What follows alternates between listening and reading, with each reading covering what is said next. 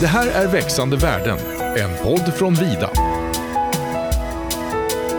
Hej och välkomna till säsongens sista avsnitt av Vidas podd Växande värden. Och idag så tycker jag att jag har med mig ett extra spännande besök här hos mig. Eh, och det är Ulf Johansson som jobbar som skogs och råvaruchef på IKEA. Välkommen hit! Tack så mycket, roligt att vara här. Du, kan inte du börja med att berätta lite om dig själv och din roll på IKEA? Det gör jag gärna, det är en ganska kort historia. Jag är en typisk småländsk skogsman. Eh, äldre, övre medelåldern säger mina barn i varje fall. Eh, kommer från Älmhult faktiskt från början. Och pluggade skog och jobbade på lite olika skogsföretag i Sverige de första tio åren. Och sen började jag på IKEA 2001 i januari som skogschef i Sydostasien. Och var där i fyra år och sen dess har jag eh, varit placerad på kontoret i Älmhult med lite olika uppgifter runt eh, skog och trävaruförsörjning. Du, jag har hört att var hundrade stock i världen används till en IKEA-möbel. Är det sant? Det finns många siffror runt det där men man kan väl säga så här att vi, vi är en stor träförbrukare. Trä är ju vårt absolut viktigaste material. Ungefär 60 procent av hela vårt produktvärde är träbaserade produkter. Och räknar vi från våra produkter tillbaka till råvaran till rundvirket så använder vi med det sätt vi räknar på ungefär 1 procent av världens industriella avverkning. Ska vi säga att i den siffran ingår det numera en växande andel återvunnet trä också. Eh, så att det, det är inte, det, siffran är lite mindre än du säger men, men det ligger rätt här. Vi är stora. Ja, en procent, jag tycker ändå det är en ganska imponerande siffra måste jag säga. Men vad ställer det för krav på er som bolag att konsumera så mycket trä? Ja, det sätter ju naturligtvis ett jättestort ansvar på oss eh, när vi är så stora som vi är. Och dessutom Eh, när vi är så synliga som vi är, att vi är också ett företag som möter slutkunder runt i hela världen så, så är det ju ett jätteansvar att vi ser till att det trä vi använder kommer från ett ansvarsfullt skogsbruk. Eh, men det ger ju också oss möjligheter att använda vårt globala eh, nätverk. Vi köper, eller använder trä från ungefär 50 olika länder. Och eh, den siffra du nämnde motsvarar 20 miljoner kubikmeter ungefär på årsbasis. Eh, ger ju oss möjlighet att driva också frågor som är kopplade till ansvarsfullt skogsbruk på ett sätt som vi inte hade kunnat om vi var små. Så att Ibland så får ju stora internationella företag kritik just därför att de är stora och nu är det ju vårt jobb att visa att stora företag kan också vara bra företag och eh, det är faktiskt de stora företagen som kan göra skillnad i världen. Men hur driver ni de frågorna?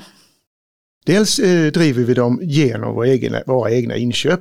Att ha höga krav på råvaran vi använder och som exempel så eh, kräver vi eh, att allt trä vi använder antingen är återvunnet eller FSC-certifierat. Det var ett mål som vi satte upp för tio år sedan, 2001, 2010 sa vi att 2020 ska allt trä vara FSC-certifierat. Och det var många, inklusive mig själv, som lite grann skrattade åt det där, för det, då, då hade vi kanske 2% i Kina och så vidare. Men genom att vara bestämda med våra krav, genom att äh, ge affärskonsekvenser, både till de partner som inte följer våra krav och de som följer våra krav, så eh, gjorde våra leverantörer en jätteinsats under de här tio åren. Och 2020 kunde vi faktiskt eh, kommunicera att vi hade nått vårt mål 100% Det var klart inte, inte ett beslut utan det var tusentals små affärsbeslut under den här resan som ledde dit. Också eh, naturligtvis under en period där vi samtidigt växte i volym väldigt mycket. Så att det visar ju eh, hur vi med våra krav kan driva en förändring. Sen eh, ett annat sätt vi jobbar på det är ju med våra partnerskap. Vi driver ett partnerskap med Världsnaturfonden, WWF. Eh, förmodligen världens största partnerskap. Vi har jobbat med dem i 20 år. De är vår största partner, vi är deras största partner. Vi driver idag projekt i 19 olika länder. Där vi till exempel jobbar med små skogsägare i Indonesien och hjälper dem att ta fram hållbara eh, skötselmodeller för eh, rotting. Vi har tagit fram eh, och kartlagt skogar med höga bevarandevärden i Ryssland eller i Rumänien, tagit fram kartor som vi sen delar med skogsindustrin, med myndigheter och alla så att alla liksom kan hjälpas åt och, och eh, skydda de skogar som måste skyddas. Eh, det är bara ett par exempel, det finns massor av olika projekt och det, det rullar på det här. Nu nämnde du ju en siffra, hur mycket trä ni köper eh, varje år.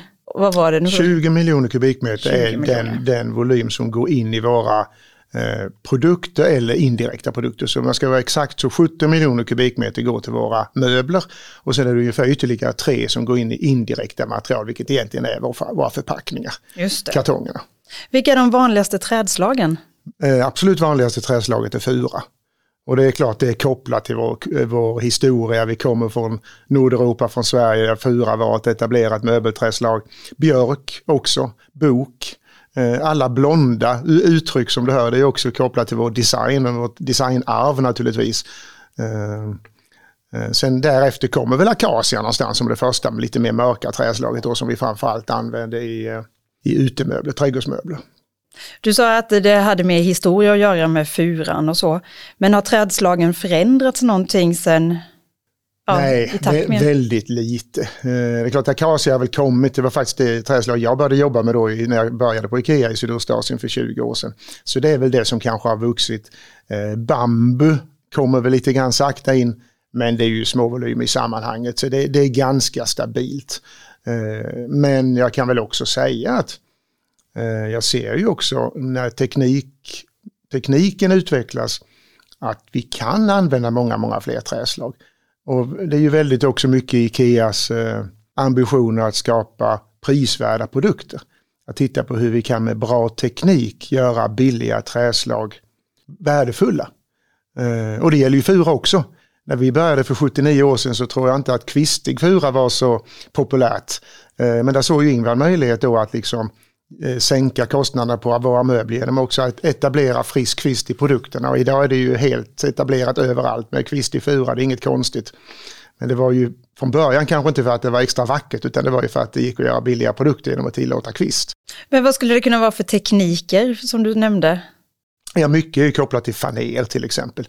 Eh, det finns en teknik nu som byggindustrin som säkert vida involverade också CLT eller KL som vi säger på svenska, korslimmat trä något liknande heter LVL, Laminated Veneer Lumber, som är en sorts avancerad eh, plywood egentligen.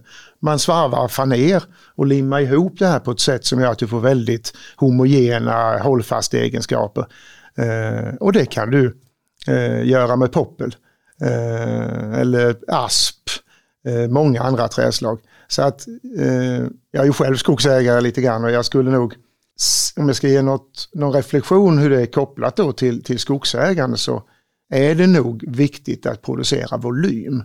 Därför att träslagen kommer industrin att se till att kunna använda. Vi utvecklar tekniker hela tiden. Det finns tekniker idag där du kan eh, printa ett ekmönster på en aspyta, på en aspfaner. Nästa dag så printar du en eh, tikyta istället. Eh, till exempel. Så man får träkänslan. Man får man träkänslan och du får det Och du kan välja det du vill ha. Mm. Och det är också viktigt såklart att förstå att, att uh, våra kunder är ju inte alla smålänningar som har ena benet i skogen och, och ser skog och trä på samma sätt utan uh, hållbarhet, jätteviktigt, kan man använda träet i, i uh, ha en högre materialutnyttjande till exempel så är det kanske viktigare än, än om träslaget heter fura eller det heter ek. Hur tror du att efterfrågan på olika trädslag kommer förändras i framtiden? Ja, jag tror ju framförallt att efterfrågan totalt på trä kommer att öka. Det är jag alldeles övertygad om och det ser vi på Ikea också. Vi, eh, som jag sa innan så är ju trä vårt viktigaste träslag men det vi gör nu i vår agenda fram till 2030 det är ju att driva innovationer för att också använda trä för nya applikationer som vi säger. Det är sånt som ska hjälpa oss att fasa ut jungfrula, jungfruliga fossila material. Så egentligen, du kan gå in och titta i vårt varuhus och allt du ser som idag är gjort i metall eller plast eh, skulle vi vilja göra i trä. Så träbaserat lim, träbaserat textil, träbaserade plaster, stoppningen i våra eh, stoppmöbler till exempel. Eh, är ju helt nya användningsområden för trä som gör att, att eh, volymerna kommer att öka. En svår fråga, men kommer träet räcka till till allt detta? Det, det, är en jättebra fråga och det är väl den frågan som hela världen ställer sig nu egentligen då. Eh, som det ser ut nu så ser det lite dystert ut därför att eh, det är ett jättehårt tryck på världens skogar och avskogningen pågår ju medan vi sitter här och, och pratar i, i en eh, väldigt hög takt.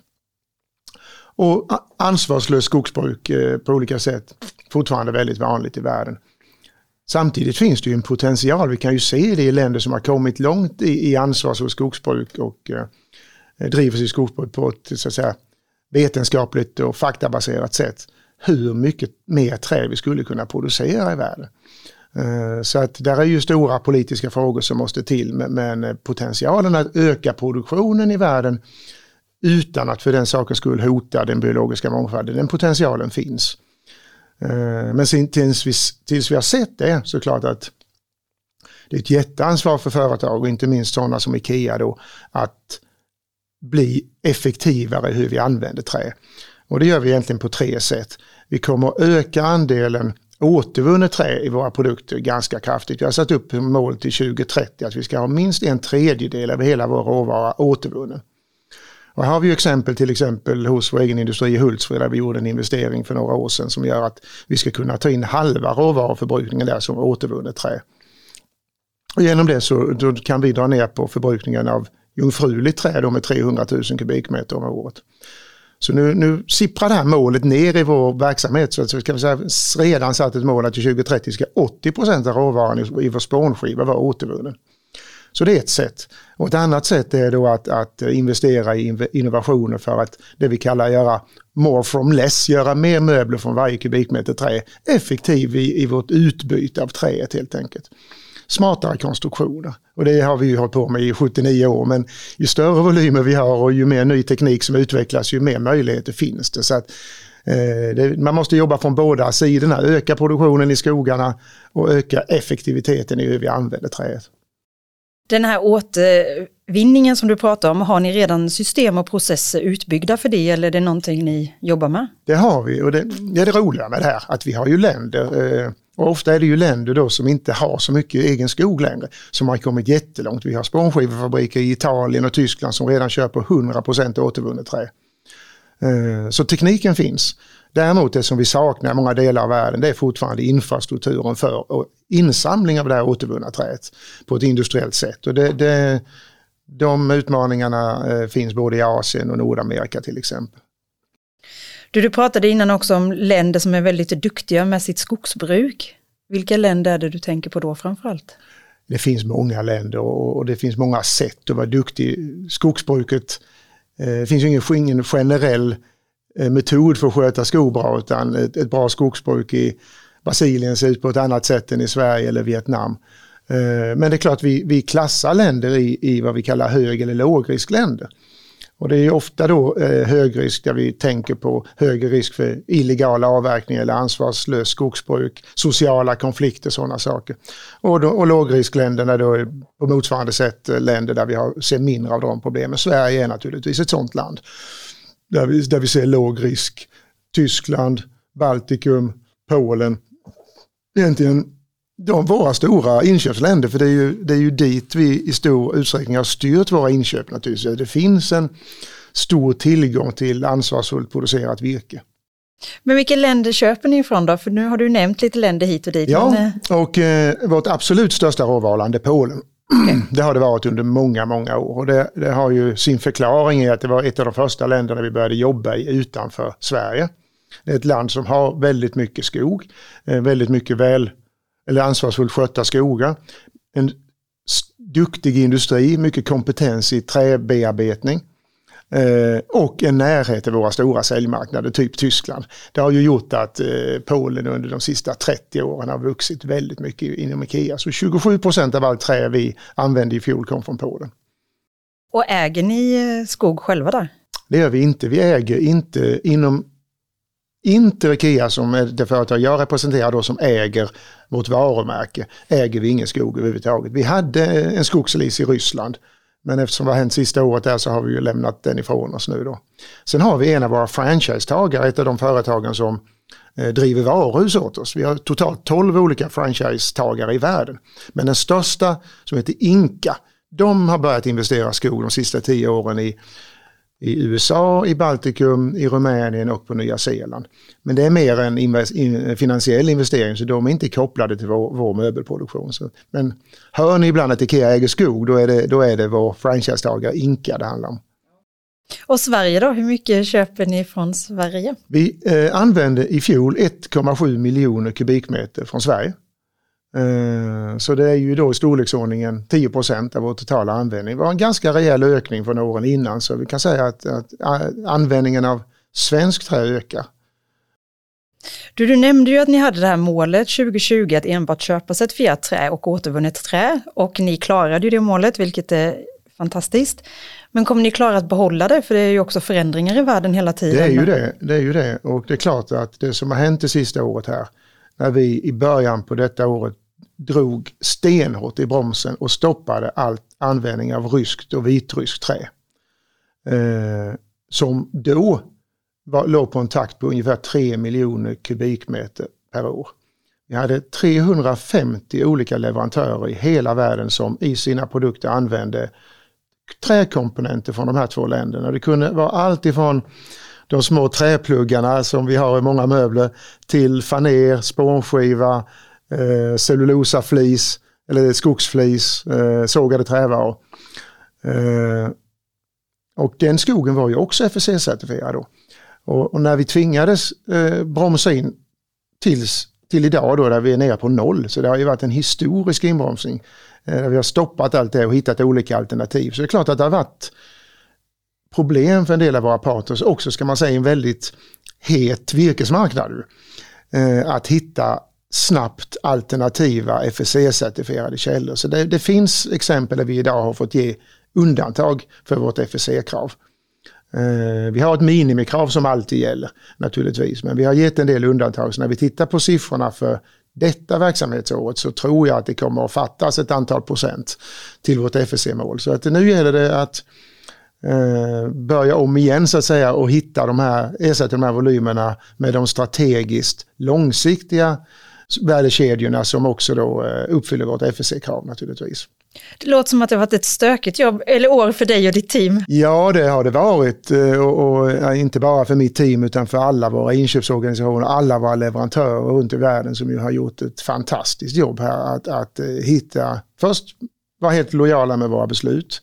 Det var ju så att vi till stor del naturligtvis måste stoppa för det var ju EU e och en del andra länder också har ju sanktioner som vi såklart ville följa. Men vi tog också beslut som gick utöver sanktionerna för det var någonting som byggde på våra e-, egna värderingar att stoppa trä från de här länderna i, i totalt helt enkelt. Ja, för ni så hade nu är vi ju... nere på noll och, och, visst har det varit ett jättejobbigt år som, som sagt i samband med att det också var en intensiv mm. eh, het virkesmarknad med hög efterfrågan och höga priser så så eh, har vi fått jobba på många fronter. Vi har jobbat på att hjälpa våra leverantörer att hitta nya råvarukällor. Men vi har också fått jobba med vår sortimentsutveckling. Att ibland ersätta eh, en björkkomponent eller en björkmöbel med en möbel i eh, gummiträ eller akacia eller fura. Eh, eller någonting annat. Så man, vi har fått jobba på många olika lösningar för att eh, hantera den här utmaningen på ett bra sätt. Men ni hade ju en rysk verksamhet Men den är nu då helt borta. Den är helt borta. Vi hade, vi hade en rysk verksamhet eh, på många sätt. Vi hade vår egen industri eh, som hade tre fabriker i Ryssland. Eh, och där, de stoppade vi omedelbart och där håller vi på nu med en avyttring av dem. Och sen hade vi ju externa leverantörer utanför Ryssland och Vitryssland som köpte råvara eller komponenter därifrån. Och vi hade också möbelleverantörer i de här två länderna som framförallt tillverkade för den lokala försörjningen för våra varuhus i Ryssland. Då. Allt är stoppat. Och Ukraina, hur såg er verksamhet ut där? Där var den relativt liten. Vi hade 1% av vår träförsörjning kom från Ukraina. För de är stora på ek va? De är stora på ädellöv, ek, bok, eh, fantastiska skogar i Ukraina med mosaik av valnöt och körsbär och alla de här vackra träslagen. Mycket bok i Karpaterna kan man väl säga. Så det var framförallt ädellöv, eller lövträ som vi använde därifrån. Det är rätt. Där stoppade vi också. Men det var ju av andra skäl. Det var ju av säkerhet för våra medarbetare och säkerhet för våra parters medarbetare och så vidare. gick ju helt enkelt inte att driva någon verksamhet i, i Ukraina eh, med den situation som har rått sedan kriget började. Eh, vi vill ju inget hellre än att komma igång igen. Eh, så här jobbar vi ju jättehårt på den frågan nu och i, i, i, dialog med ukrainska myndigheter naturligtvis. Vi har faktiskt eh, från ett skogsperspektiv idag godkänt två supplykedjor eller värdekedjor från Ukraina. Eh, från ett träperspektiv. För man ska veta också att i ett krig så försvinner mycket transparens. Så det är klart att vi vill fortfarande använda ett ansvarsfullt tillverkat trä. Så nu gäller det bara att vi också löser säkerhetsfrågorna med transporter och allting sånt. Så hoppas vi att så snart det någonsin går komma igång i Ukraina igen. Ja, för du nämnde ju de här högriskländerna som ni klassar. Men hur agerar ni då för att säkerställa att virket är lagligt och certifierat? Ja, först så är det ju en jätteviktig fråga och, och först kan man väl säga att vårt krav på enbart FSC eh, Eh, det gällde i högriskländer många år tidigare än det gällde i resten av världen. Så målet hela världen som jag nämnde innan var 2020, men redan 2017 så sa vi att all trä från de här länderna ska vara FSC-certifierat. Så det var en del då. Och den andra är ju att vi helt enkelt har en högre frekvens av kontroller. Så många av mina medarbetare runt i världen är placerade i de länderna där skogsbruket har störst utmaningar. Så vi gör en högre andel kontroller med vår egen personal. Vi gör också en högre andel kontroller med tredjepartsrevisorer. Eh, så att vi verkligen kan känna oss trygga med att vi, vi, vi gör allt vi kan för att träet kommer från det ursprung som vi kräver. Jag funderar lite på det här, finns det något värde i att virket kommer från ett specifikt land, exempelvis Sverige? har vi ofta frågat oss, och vi har egentligen frågat oss det då, kanske så du tänker från ett eh, kundperspektiv. Ja. Säger, om, om kunderna i USA säger att Made in America är viktigt. Eh, och vår erfarenhet eh, så här långt är nej på den frågan. Att träet kommer från ett ansvarsfullt skogsbruk är jätteviktigt. Men, men att det är tillverkat i ett speciellt land har inte eh, varit viktigt för våra kunder hittills. Sen får vi väl se, tyvärr får man väl säga så lever vi i en mer eh, polariserad värld. Eh, där deglobaliseringen får alla möjliga uttryck och, och det kan bli så att, eh, att eh, det här kundernas uppfattningar om var möblerna ska vara tillverkade blir annorlunda i framtiden. Och då får vi ju såklart både jobba med information men också naturligtvis i viss mån följa kundernas krav och förväntningar.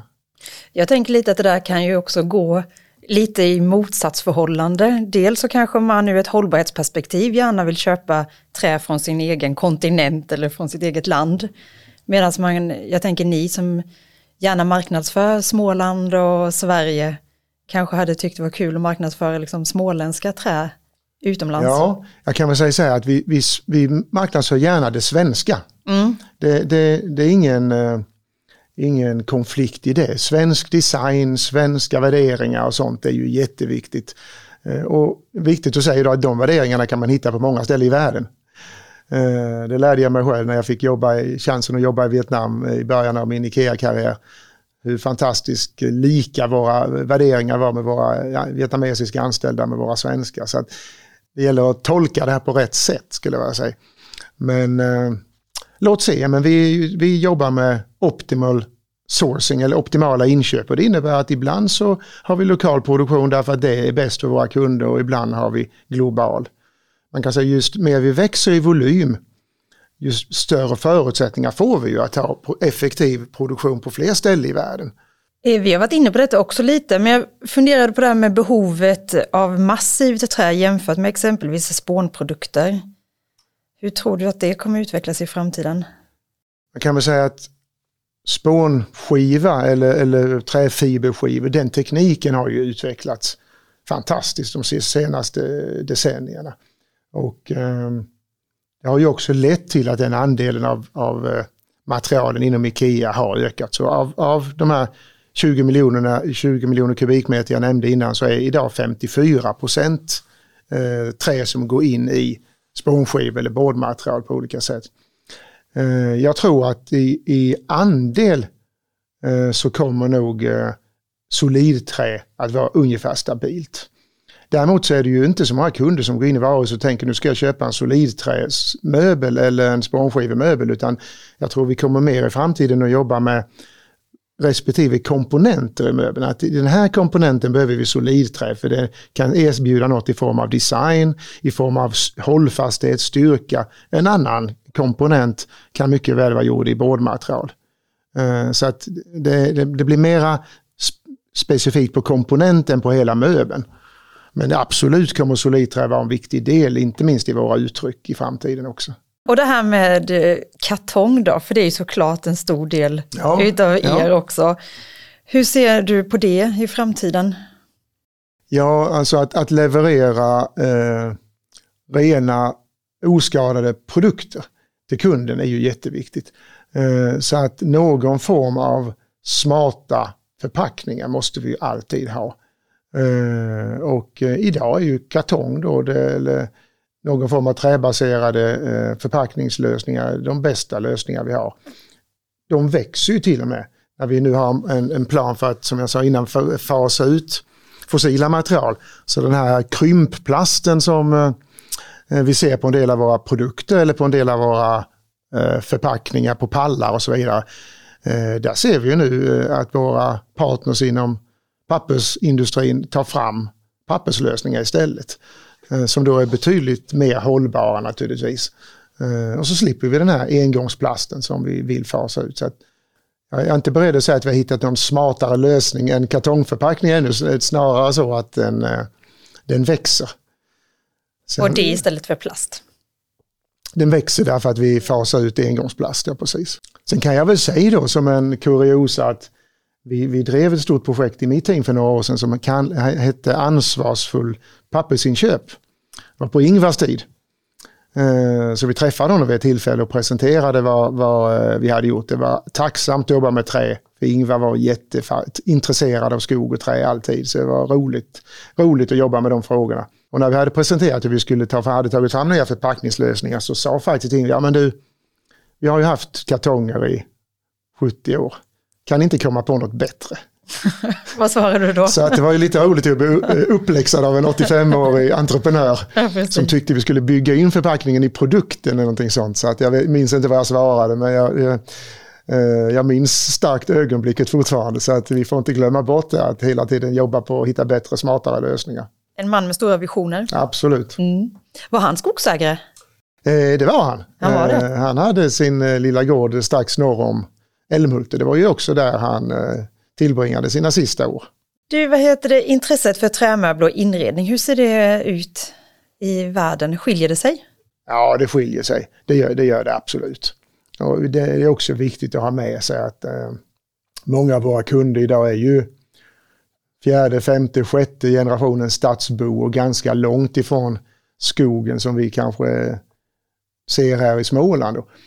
Och den information de får från, om trä och skogsbruk är ju också en annan då naturligtvis. De får den från media och, och vad de ser på tv och läser i tidningar och så här.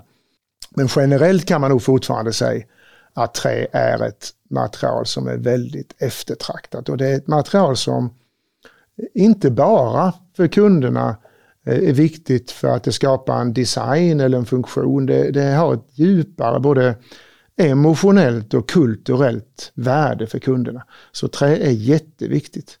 Eh, sen kan det vara spånskiva. Och är det en spånskiva som är tillverkad på återvunnet trä så kan det vara viktigare och bättre för en kund idag än solidträ. Eh, Så där eh, får ju, inte minst för yngre människor då, som är väldigt mycket våra kunder, eh, hållbarhet återigen en, en vik, allt viktigare betydelse. Du, jag funderar på dina kollegor i möbelbranschen. Tycker du att de tar samma ansvar eller önskar du att ni tillsammans hade kunnat driva vissa frågor? Eh, Vi driver många frågor tillsammans med vissa kollegor i möbelbranschen. Sen är ju möbelbranschen väldigt eh, eh splittrad. Det finns många små aktörer i den branschen runt i världen. Men vi har ju några starka parter som där, som där vi delar eh, uppfattningen till exempel om, om vilka krav vi ska ställa på eh, skogsbruket. Men egentligen är ju frågan mycket bredare än bara möbelbranschen. Det gäller ju egentligen hela industrin som använder trä. Att vi behöver bli betydligt bättre på att ställa krav på råvarans ursprung. Vi måste också bli betydligt mer transparenta. Var kommer träet ifrån? Det här är ju ett krav som ökar både från lagstiftare. Vi ser ju inte minst inom EU som går i, i eh, fronten för det här med att ställa högre krav på skogsbruket. Eh, och de kraven måste ju industrin uppfylla. Men det kommer också ökade krav från kunder, från media, från eh, miljöorganisationer på det här. Och, och eh, vår uppfattning är ju att transparens är helt fundamentalt för en hållbar utveckling. Om du går till en möbelbutik eh, och köper en trästol så ska du kunna veta vilket skogsbruk den här stolen kommer ifrån. Ofta står det made in men det betyder ju inte att träet kommer därifrån. Det kan komma från ett helt annat land. Och hur skogsbruket har bedrivits får du heller inte veta. Eh, det är samma om du går till din eh, do it yourself-leverantör, din bygg, byggfirma. Eh, och då pratar vi kanske ändå Sverige, det är ofta ännu sämre i många andra länder. Så att, och här kommer ju vi då att ta ett nytt steg eh, inom en månad. Så att vi, vi har jobbat i flera år med ett jättestort projekt och vi kallar det för kallar för kundrelevant transparens. Och nu, nu är vi färdiga att eh, leverera det här. Så i början av nästa år så kommer vi att lansera en helt ny webbsida. Vi kommer att bli mycket, mycket mer transparenta än vi någonsin har varit tidigare om, om hur IKEA jobbar med trä och skogsfrågor hur skogen kan vara viktig för att bevara den biologiska mångfalden, hur skogen kan göra en jätteinsats för att minska klimatförändringarna, hur vi jobbar med att säkerställa, egentligen de frågor du har gett till mig nu, hur kan IKEA säkerställa att eh, träet kommer från ett ansvarsfullt skogsbruk och så vidare. Och hur vi jobbar med trä i uppfinningar och eh, design för att göra träet så attraktivt som möjligt. Så eh, häng med oss här i början på året så ska ni få se eh, någonting som jag hoppas ni tycker är intressant. Ja, men det blir spännande. Och du har ju nämnt här att du är en av Sveriges privata skogsägare. Vilka frågor tycker du är viktigast för, för dig som skogsägare? Ja, det är klart att för mig som skogsägare så är ju alltid eh, lönsamheten i skogsbruket viktigt. Den, den, måste vara viktigt. Det är lönsamheten som ger, ger oss resurser i, i alla näringar, även i skogsbruket. Eh, I resurser att också kunna investera i till exempel naturvård. Så att det, det, är ju en fråga där jag tror det finns mer att göra. Vi har varit i skogsbruket i Sverige väldigt volymfokuserade. Skogsbruksplanerna, eh, jag ser inte någonstans att man pratar kronor och ören i en skogsbruksplan utan det är, det är kubikmeter. Och det är klart att det finns en koppling men den är inte alltid given. Eh, så den, den är ju viktig. Sen är det ju så för mig som många andra privata skogsägare att livsmiljön kanske är det viktigaste av allt bor i en miljö där man kan liksom hämta inspiration, antingen man jagar eller plockar bär eller, eller använder sin natur i, i sin näring i, genom att driva någon form av ekoturism. Eh, så är klart att den, den aspekten är enormt viktig och kommer att bli viktigare därför att den här miljön blir mer och mer unik i världen. Hur tycker du att skogsbranschen i Sverige utvecklats de senaste åren? Jag tycker att skogsbranschen i Sverige har varit väldigt självgod under väldigt många år tyckt att vi har varit bäst och att alla andra måste förstå det. Mm. och så är det ju inte. Utan eh, det finns många synpunkter på skogen i Sverige som är relevanta och viktiga att lyssna på. Där måste vi vara mycket mer nyfikna på hur vi kan göra saker annorlunda. Ta hyggesfritt skogsbruk till exempel. När jag började min, min karriär på 90-talet som inköpare faktiskt på en skogsägarförening uppe i Mälardalen så var det väldigt många skogsägare som sa till mig jag skulle vilja avverka lite men jag vill inte ha några hygge. Redan då. Och jag sa väl ungefär att eh, det där går inte utan det är klart att vi måste ta ett hygge annars får du bara vindfällen och andra problem. Eh, men det, det, har liksom legat och gnagt i mitt medvetande, inte minst de senaste åren när den här debatten har kommit upp. Så det klart att här får vi inte känna att vi är färdiga utan vi måste satsa på eh, innovationer, på andra skötselformer eh, för att hänga med i, i tiden. Vi har också varit väldigt traditionella när det gäller våra produkter i industrin i Sverige. Varit väldigt konventionella. Vidareförädling har inte kanske varit vår starka sida riktigt. Men jag ser också en väldigt stor förändring. Det vill säga att det har hänt fantastiskt mycket de sista fem åren i skogsbruket och skogsindustrin i Sverige där man går mycket längre fram i värdekedjan, gör mycket mer spännande produkter.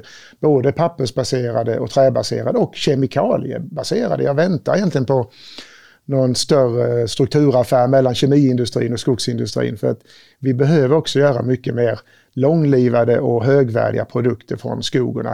Egentligen just det här nya träbaserade applikationer som jag sa innan. Använder ligninet för att göra lim istället för fossila material eh, etc. Etc.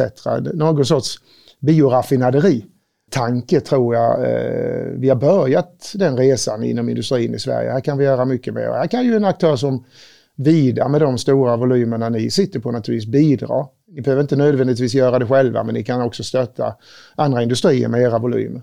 Ja, vilka spännande tankar du delar med dig av. Jag funderar lite på det här med Bryssel. De vill ju gärna att vi använder skogen som en kolsänka och låter den stå. Ja. Hur tänker du kring det?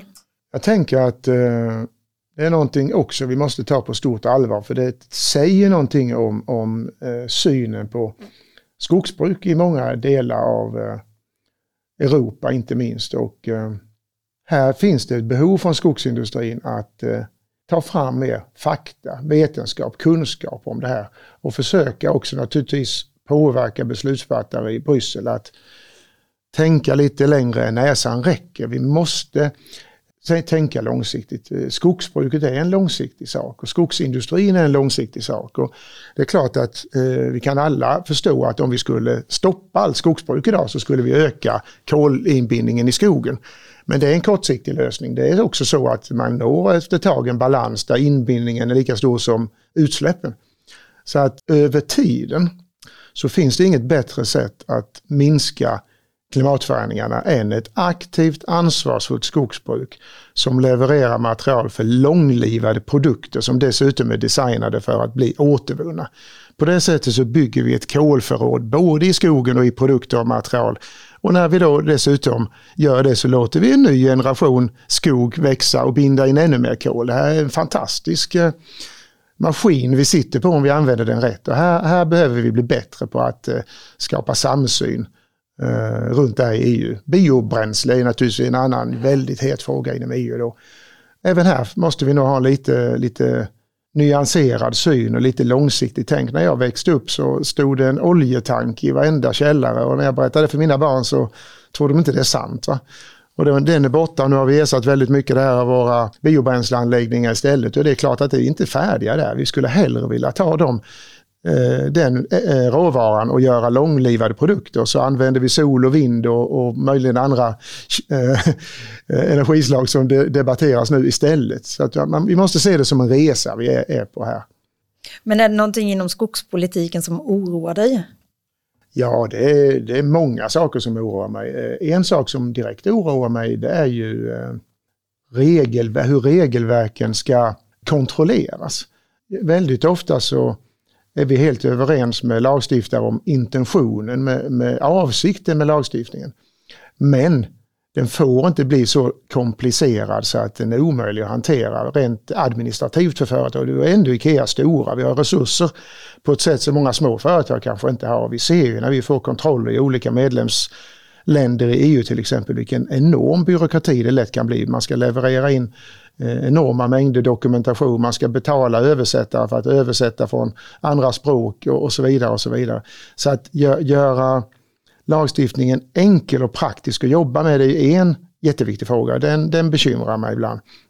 Den andra är naturligtvis om man har en, en generell syn på skogsbruk över till exempel hela EU då när vi vet att villkoren är väldigt olika på, på Malta och, och i Norrbotten. Och att hitta den här balansen då mellan där, där EU säger vad skogsbruket ska göra, men inte hur de ska göra det. Det, det är väl en viktig fråga som vi jobbar med och jag ser ju tyvärr får man kanske säga, hur mer och mer av mitt teams tid också går åt i sådana här processer. Vi är mer och mer representerade i Bryssel.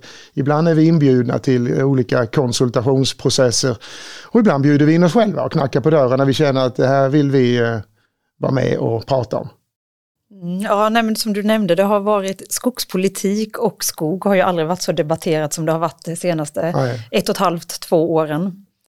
Och risken med det är naturligtvis mycket större, för risken är ju att om inte vi från båda sidor visar lite mer nyfikenhet och kliver upp ur skyttegravarna här, så skadar vi träets rykte som material hos våra kunder.